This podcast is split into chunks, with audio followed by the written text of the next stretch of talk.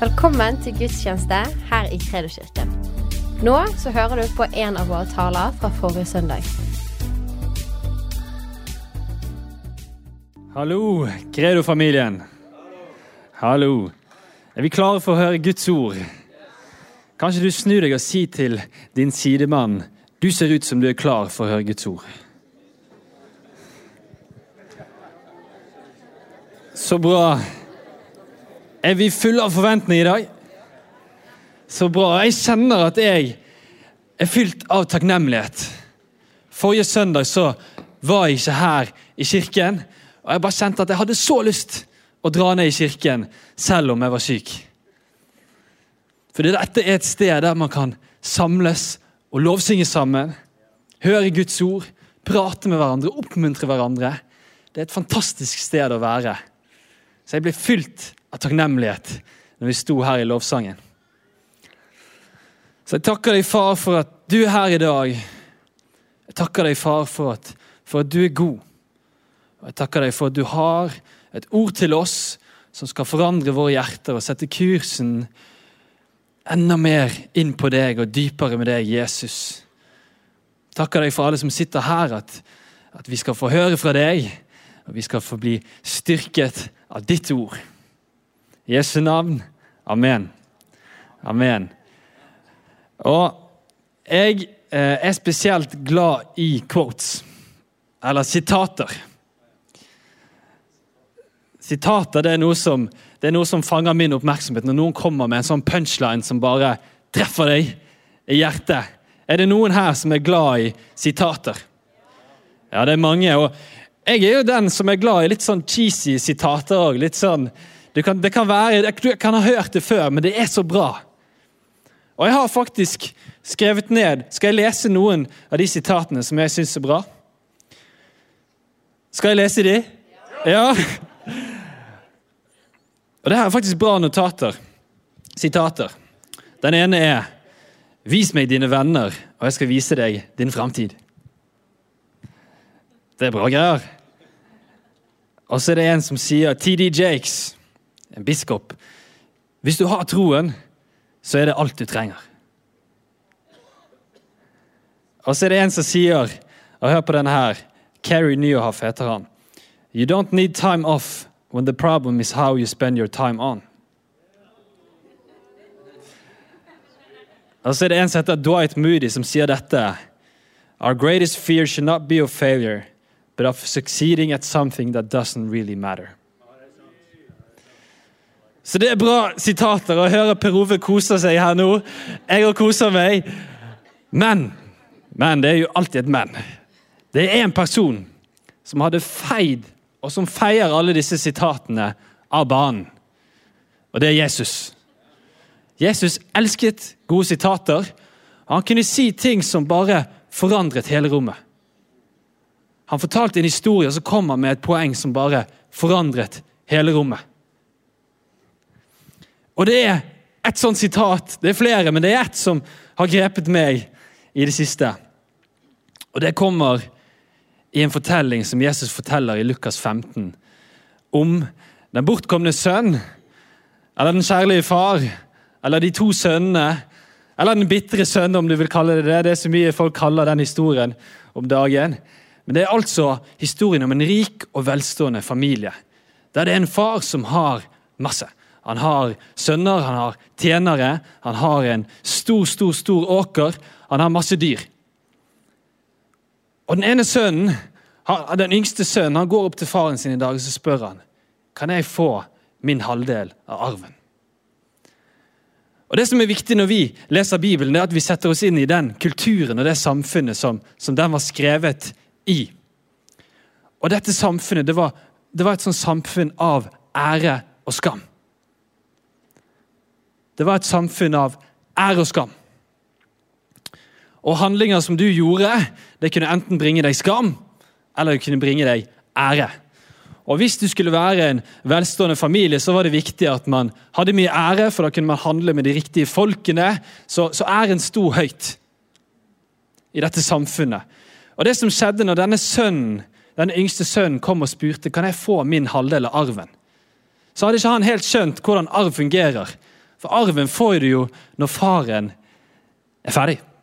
Det er da du får arven. Så den, Denne unge sønnen hadde ikke skjønt dette. Så det han egentlig kommuniserer når han spør om dette, det er at han sier Far, du er død til meg, familien. Jeg vil ikke ha noe med dere å gjøre. Jeg vil bare dra av sted med min halvdel av arven. Så det brakte masse skam på faren. Men faren ga han sin halvdel, og denne unge sønnen dro vekk, dro ut, for å utforske verden med disse pengene. Og han dro til de beste stedene. Han dro til Norge, til Bergen, og festet og gjorde alt han ville. Dro på Fløyen, koste seg der, spiste på bølgene Moi. Og Så dro han til Monaco og så på Formel 1 sammen med Daniel Osberg. Og Han gjorde alle disse tingene og festet og koste seg. Og fikk masse, masse venner.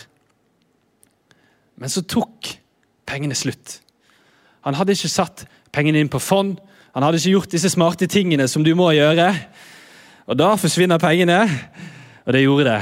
Og han endte opp i en grisebinge der han spiste den samme maten som grisene spiste. Og jeg vet ikke om du har sett en grisebinge før, eller vært i en grisebinge. Jeg for min del har sett noen grisebinger, og jeg har søkt opp SNL om grisen. Og Der står det at grisen er en alteter. Vil si at den spiser både planter og kjøtt. Og den spiser alt mulig. Grisen er en alteter. Og de grisebingene jeg har sett, den maten de får, det er mat som har gått ut på dato, som man har spist. Det er den sure, gamle lutefisken fra julen som man har lagt til siden. Det er alt det. Og dette satt han med, denne unge sønnen. Så poenget det er at han hadde ikke det så bra på dette tidspunktet. Og så tenker han kanskje jeg kan dra hjem til min far og være tjener hos min far. Så lavt har han kommet. Og så drar han hjem. Og til og med før han har kommet inn døren hjem, så står faren på dørkarmen og ser etter sin sønn. Og når han ser han, så løper han imot han. Og Det var en av disse tingene som, som man ikke skulle gjøre i dette samfunnet. Menn skulle ikke løpe. Så igjen så, så bringer denne sønnen skam på han, men faren bryr seg ikke. Og Han løper imot han, tar han imot, og han sier nå skal vi slakte det beste vi har. Vi skal slakte gjøkalven, og så skal vi holde fest, for denne sønnen er kommet hjem. Og Nå nærmer vi oss dette, dette sitatet som Jesus sier. Men så kommer altså den andre sønnen hjem, og vi leser fra Lukas 15, vers 25. Nå var hans eldre sønn ute på marken, og da han var på vei hjemover og nærmet seg huset, hørte han musikk og dans. Så kalte han på en av tjenerne og spurte, 'Hva skal alt dette bety?' Og han sa til ham, 'Din bror er kommet, og fordi din far fikk ham tilbake i beste velgående, har han slaktet gjøkalven.' Men han ble harm og ville ikke gå inn. Derfor kom hans far ut og bønnfalte ham. Så svarte han med å si til sin far.: Se, i så mange år har jeg tjent deg, aldri noensinne overtrådt ditt bud. Likevel har du aldri gitt meg så mye som et skje, så jeg kunne ha fest sammen med vennene mine. Men så snart denne sønnen din kom, han som har sløst bort arven etter deg sammen med skjøger, da slaktet du gjøkalven for ham. Og her kommer sitatet. Og han sa til ham, sønn, sønn, du er alltid hos meg, og alt mitt er ditt. Men nå må vi holde fest. Nå er det rett at vi skal fryde oss og være glade, for din bror var død og er blitt levende. Han var fortapt, men er nå funnet. Men hør på det sitatet. Sønn, du er alltid hos meg, og alt mitt er ditt. Og Det som også er kult her, det er at vi ser ikke om denne andre sønnen joiner festen eller ikke. Det er et spørsmål som Jesus stiller oss.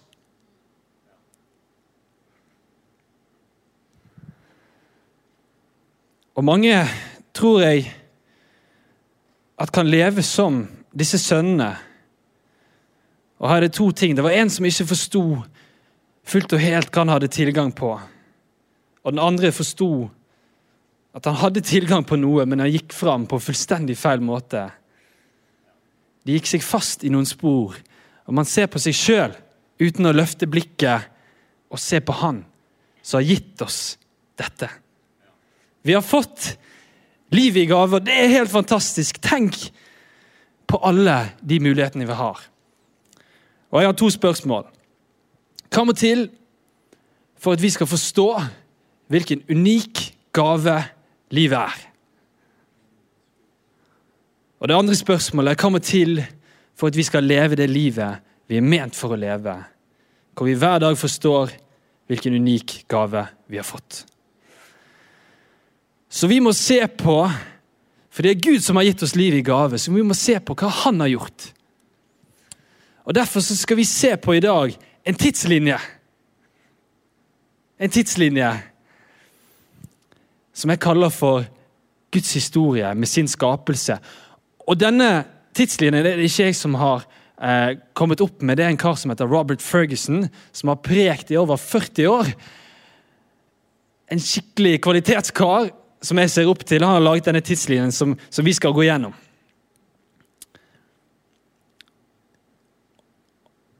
Og For at vi skal forstå hvilken unik gave livet er, så må vi forstå Guds historie med sin skapelse og finne vår del i den. Så da begynner vi med skapelsen.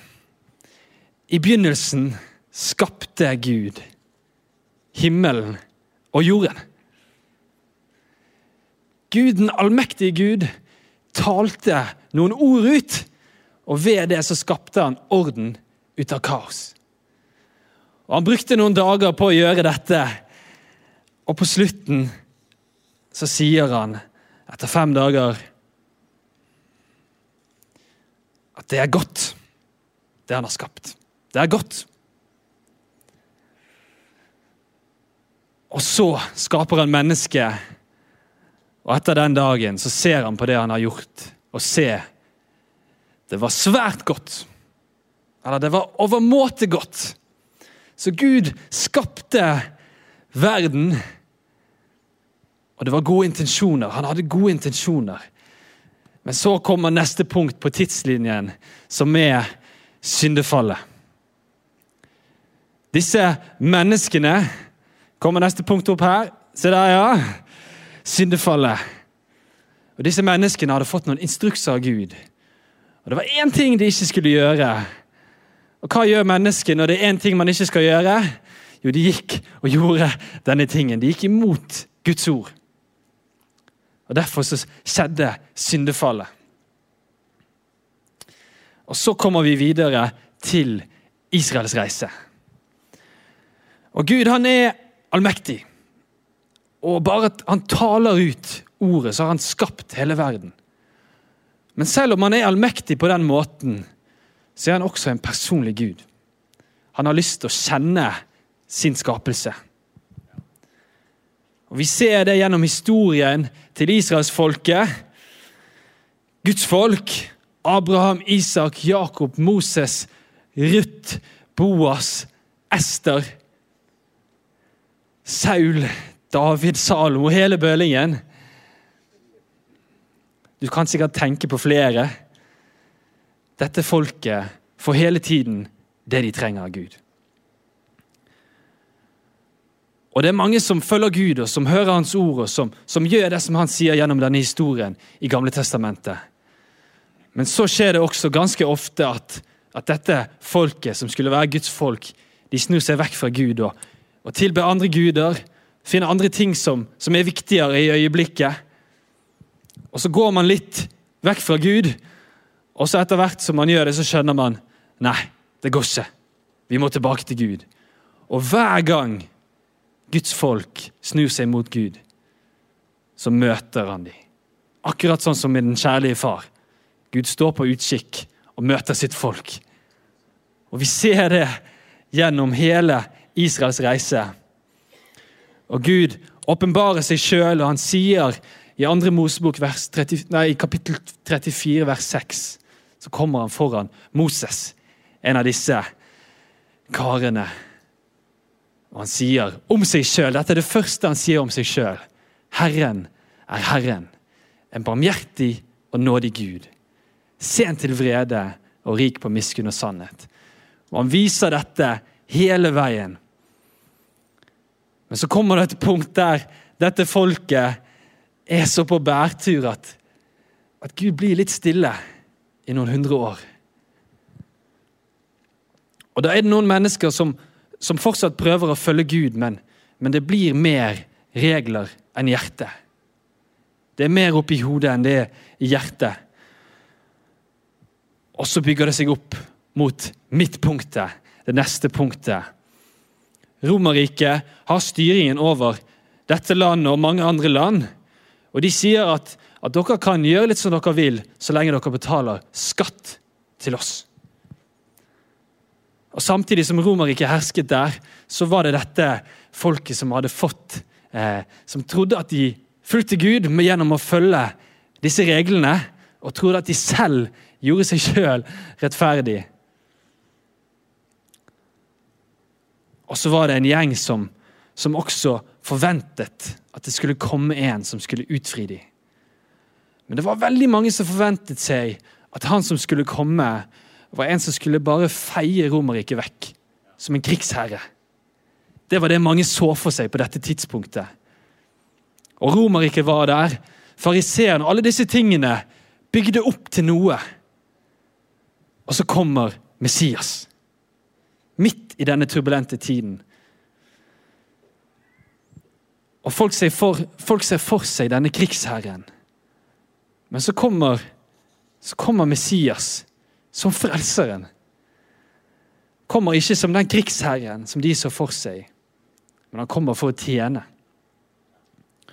I Matteus 20, 25-28 så sier Jesus dere vet at herskerne over folkeslagene har fullt herredømme over dem, og de som er store, utøver makt over dem. Men slik skal det ikke være blant dere. Den som vil være stor blant dere, skal være deres tjener. Og den som vil være den første blant dere, skal være deres slave. Slik menneskesønnen, altså Messias, Jesus, ikke kom for å la seg tjene, men for selv å tjene og gi sitt liv som løspenge for mange. Jesus kommer for å proklamere Guds rike at det er her på jorden. Og det er et helt annet rike enn det folk har sett. Det er ikke et rike som er bygd på makt og vold og penger. Men det er et rike som er bygd på tjenerskap, kjærlighet.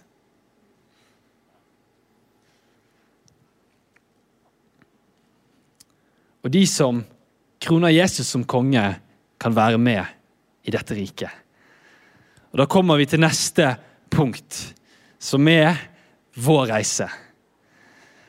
Her går vi i denne store fortellingen.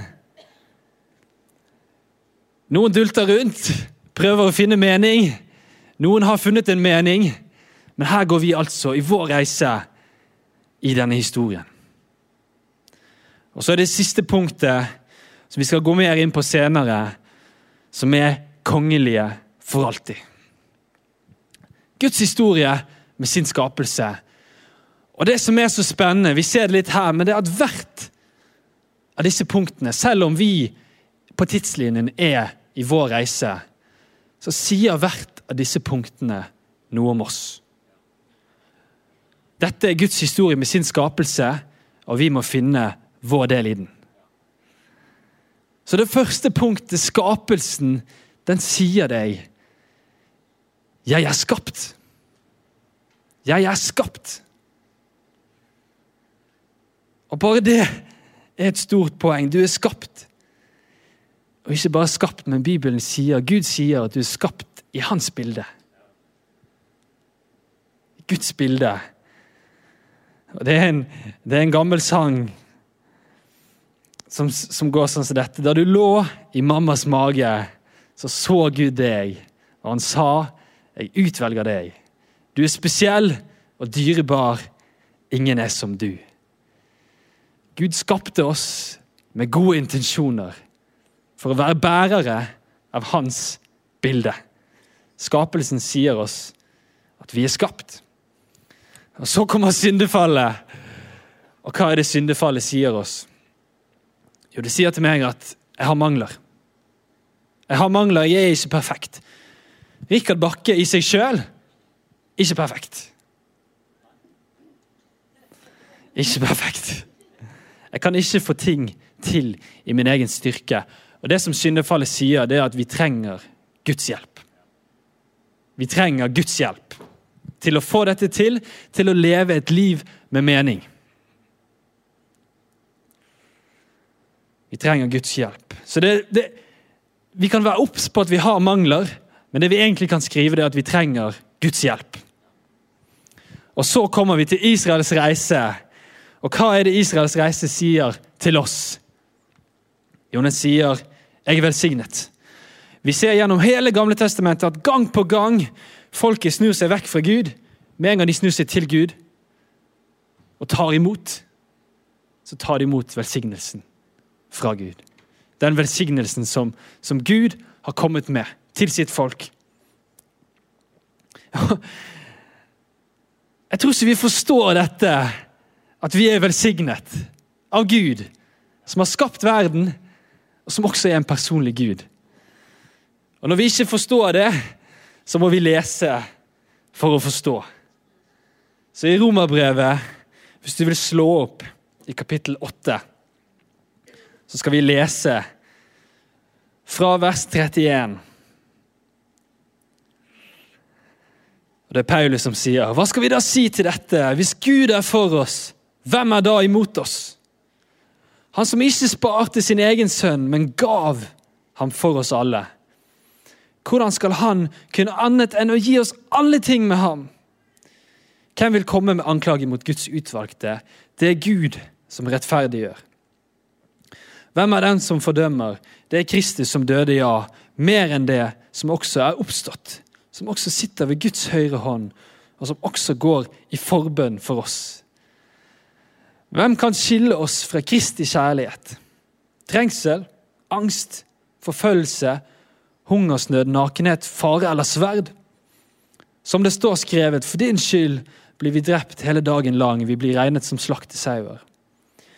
Men i alt dette skal vi mer enn seire ved Ham som elsket oss og hør på dette, for jeg er overbevist om at verken død eller liv, verken engler eller myndigheter eller makter, verken det som er nå eller det som skal komme, verken høyde eller dybde eller noen annen skapning skal være i stand til å skille oss fra Guds herlighet, den som er i Kristus Jesus, vår Herre. Er ikke det fantastisk? Du er velsignet. Er ikke det verdt en, en klapp? En applaus. Kom an. Vi er velsignet av den allmektige Gud. Hvis Han er for oss, hvem kan da være imot oss? Ingenting. Alt som skulle komme imot. Ingenting kan skille oss fra den kjærligheten. Og så kommer vi til Messias hva sier Messias til oss? Han sier at hvis vi kroner han som konge, da er jeg frelst. Jesus kom ved sin døde oppstandelse, så frelste han alle som vil krone han som konge. Og Det vil si at vi har evig liv, at vi har tilgang til Gud Og Det som han ønsker at vi skal gjøre, det er å komme med alle våre feil, alle våre mangler, og legge det på korset. For det er et sted der Jesus har tatt det, og allerede gitt sitt liv for våre synder.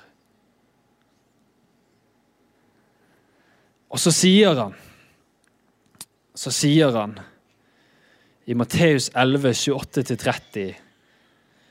Kom til meg, alle dere som strever og bærer tunge byrder. Og jeg vil gi dere hvile. Og jeg skal lese dette verset på The Message. Jeg har oversatt The Message, for det er en engelsk oversettelse, til norsk. Så jeg skal lese den, og der sier Jesus.: Er du sliten, helt utmattet, utbrent av religion? Kom til meg. Følg etter meg, og du vil vinne tilbake ditt liv. Jeg skal vise deg hvordan du tar en ekte hvile. Gå med meg og jobb med meg. Se hvordan jeg gjør det. Lær deg nådens rytme, som ikke tvinger deg til noe. Vil ikke legge noe tungt på deg eller noe som ikke passer til deg. Heng med meg, og du vil lære å leve fritt og lett. Det er frelsen. Å gå med Jesus. Bli kjent med han.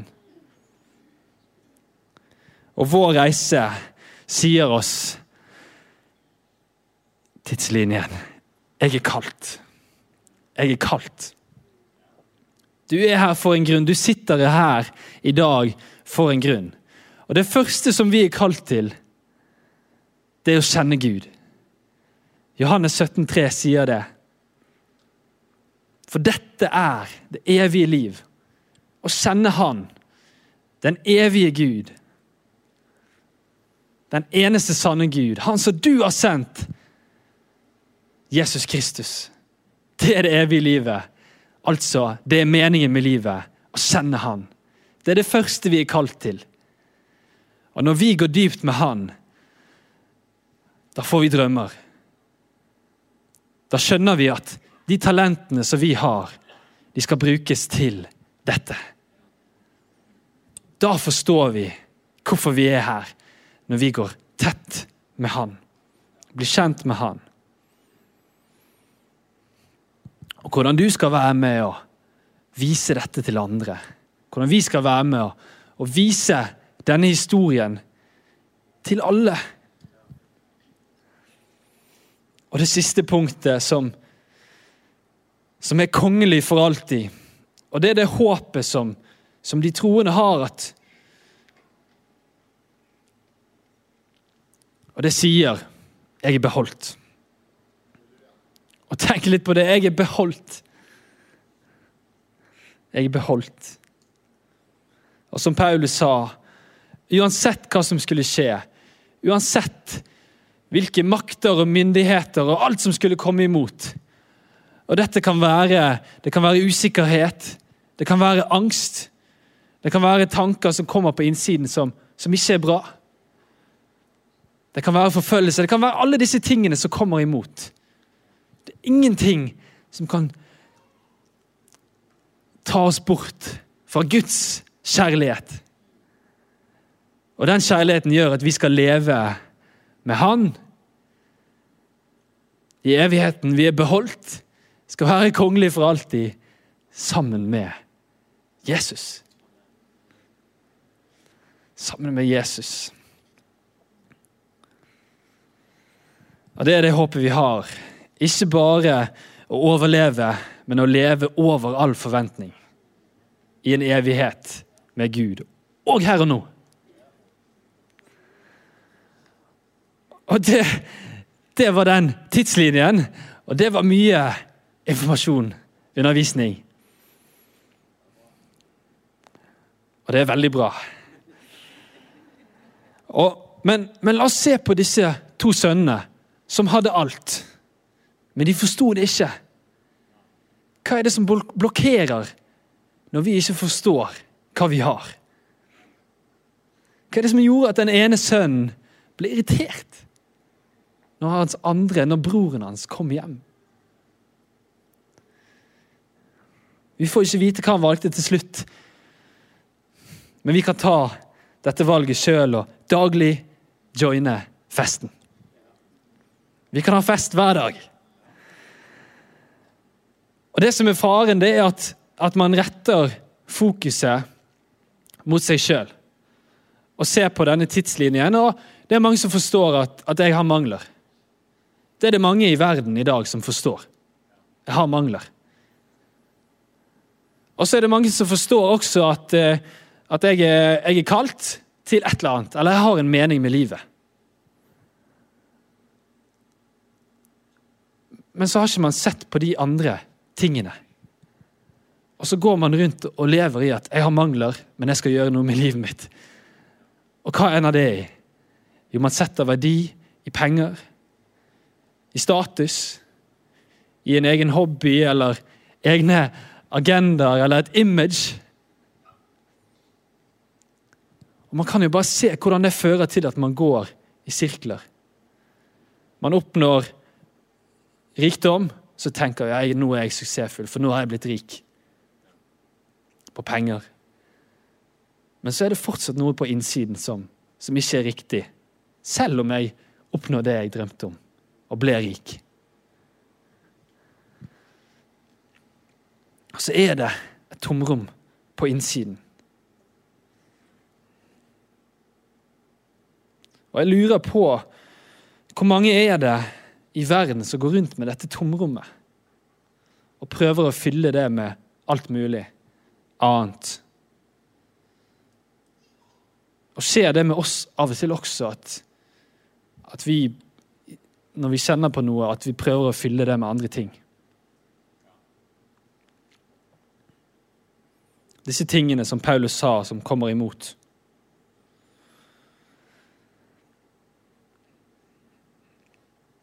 Hva måtte til for at disse to sønnene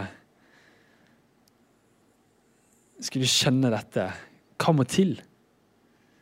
Jo, vi må se Løfte blikket og se det store bildet. Og se på Guds historie. For vi ser gjennom dette at, at det handler om oss, men det handler mest om Gud. For vi er skapt av Gud. Vi trenger Gud. Vi er velsignet av Gud. Frelst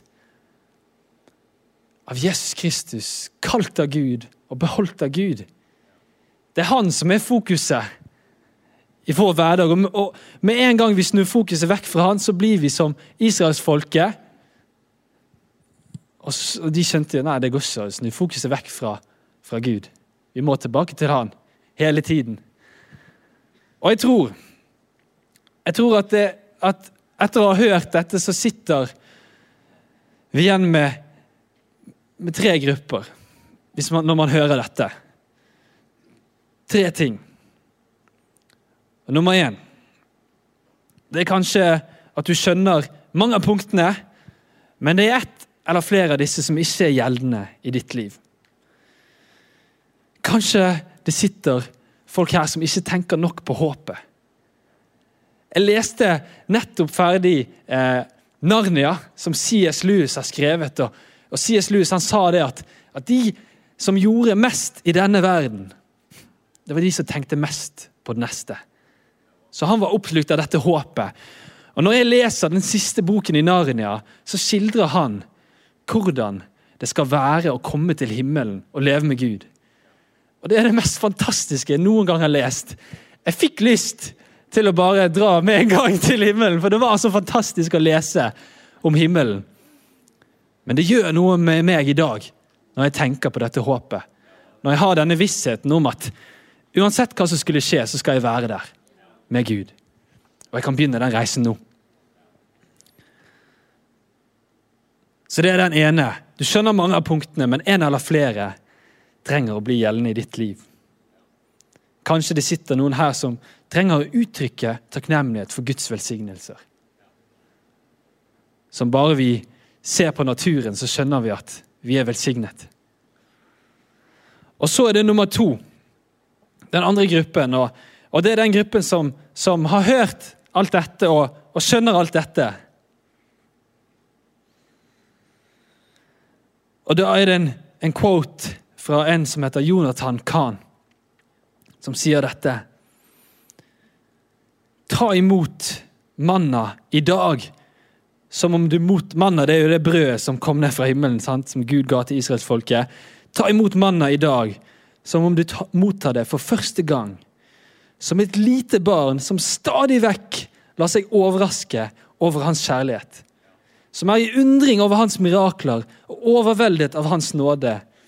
Og slutt aldri å leve i forventning om noe nytt og i undring over en kjærlighet så stor at det eneste du kan si, er hva er denne kjærligheten for noe? Jeg var ute og, og gikk eh, eh, opp en gammel snarvei som jeg gikk mye eh, når jeg var yngre. Og Det var når snøen hadde lagt seg. Og det var, det var, Rett etter at snøen hadde lagt seg, så gikk jeg opp denne snarveien. Og så så jeg på alle skrenter, alle bakker, så hadde det vært noen unger og akt. Og Jeg bare tenkte tilbake på når jeg var i den alderen at med en gang det kom snø, så løp vi ut, meg og gutta, og så skulle vi finne akebakker. Og Det var liksom om å gjøre å finne den beste akebakken, om å gjøre å finne en ny akebakke. Og Hver gang noen fant noe, så bare ropte alle gutta av begeistring for den akebakken. Vi prøvde den, vi akte den akebakken masse ganger, så dro vi videre til neste akebakke. Sånn må det være med Guds kjærlighet også. At vi er nysgjerrig, at vi er på let. For den, den kjærligheten, den er så stor at det kommer til å komme nye aspekter når vi søker Han. Så om vi har forstått og hørt dette før, så er det mer å hente.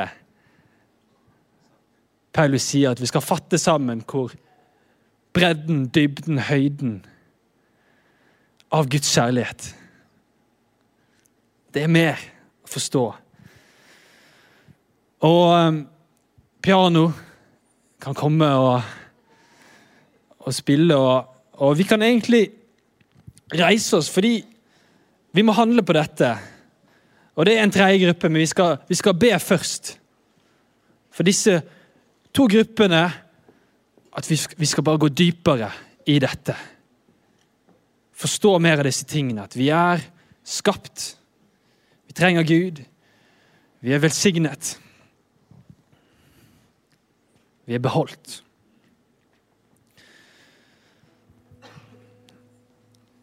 Så hvis du har lyst til å gå enda dypere, finne enda flere akebakker Så bare lukker vi øynene, og så kan du ta hånden din på hjertet, og så skal vi be. Og Billy Graham sa òg dette på slutten av sitt liv, at jeg skulle bedt mer. Jeg skulle lest Guds ord mer. Så jeg takker deg, far, for ditt navn Alt du har gjort for oss.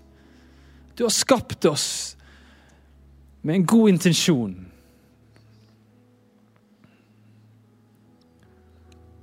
Og Jeg takker deg for at, at de som er her i dag, at vi skal forstå mer av deg hver eneste dag. Skal vi stå opp og vi skal gå inn til deg, Gud, være med deg, forstå mer av din kjærlighet. Forstå mer av hva du har kalt oss til. At vi skal bare oppleve din kjærlighet. Og, og idet vi opplever den kjærligheten, så skal vi bare gå ut og spre den. I Bergen by. I dette landet som Det finnes så mange som, som har dette, et tomrom på innsiden. Og Vi bare ber om at vi kan være med og bringe budskapet, bringe kjærligheten som de trenger.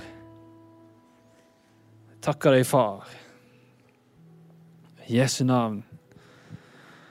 Amen. Og så, og så er det muligens en tredje gruppe. Og det er hvis, hvis dette er litt nytt for deg. Hvis du ikke har hørt dette før eller forstått at ved å krone Jesus som konge, så kan du bli frelst. Så kan du komme inn i denne kjærligheten. Og Det er et fantastisk løfte i Salme 147 vers 3. Jeg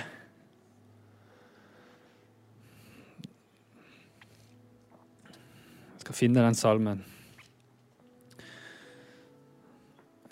Og Der står det fra vers 1.: Lov Herren, for det er godt å lovsynge vår Gud, for det er herlig, og lovprisning sømmer seg. Herren bygger Jerusalem, han samler Israels utstøtte. Han helbreder dem som har et sønderbrutt hjerte og forbinder deres sår. Han helbreder den som har et sønderbrutt hjerte. Og hva er dette sønderbrutte hjertet? Jo, det kan være dette tomrommet. Det er dette som er et ønske om hans kjærlighet, om Guds kjærlighet. Og Hva er det som må til for å finne den kjærligheten? Nei, det er ingenting. Ikke jobb eller penger. Du trenger ikke fortjene det. Ikke status, ikke godhet engang. Du trenger bare å ta imot.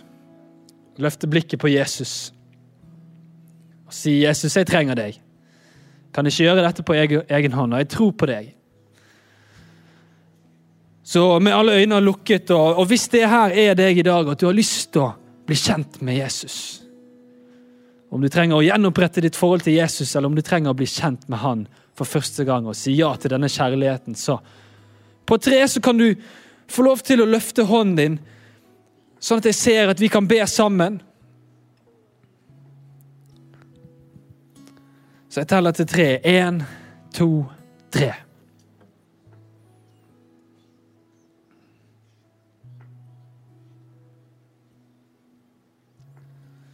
Takk for det.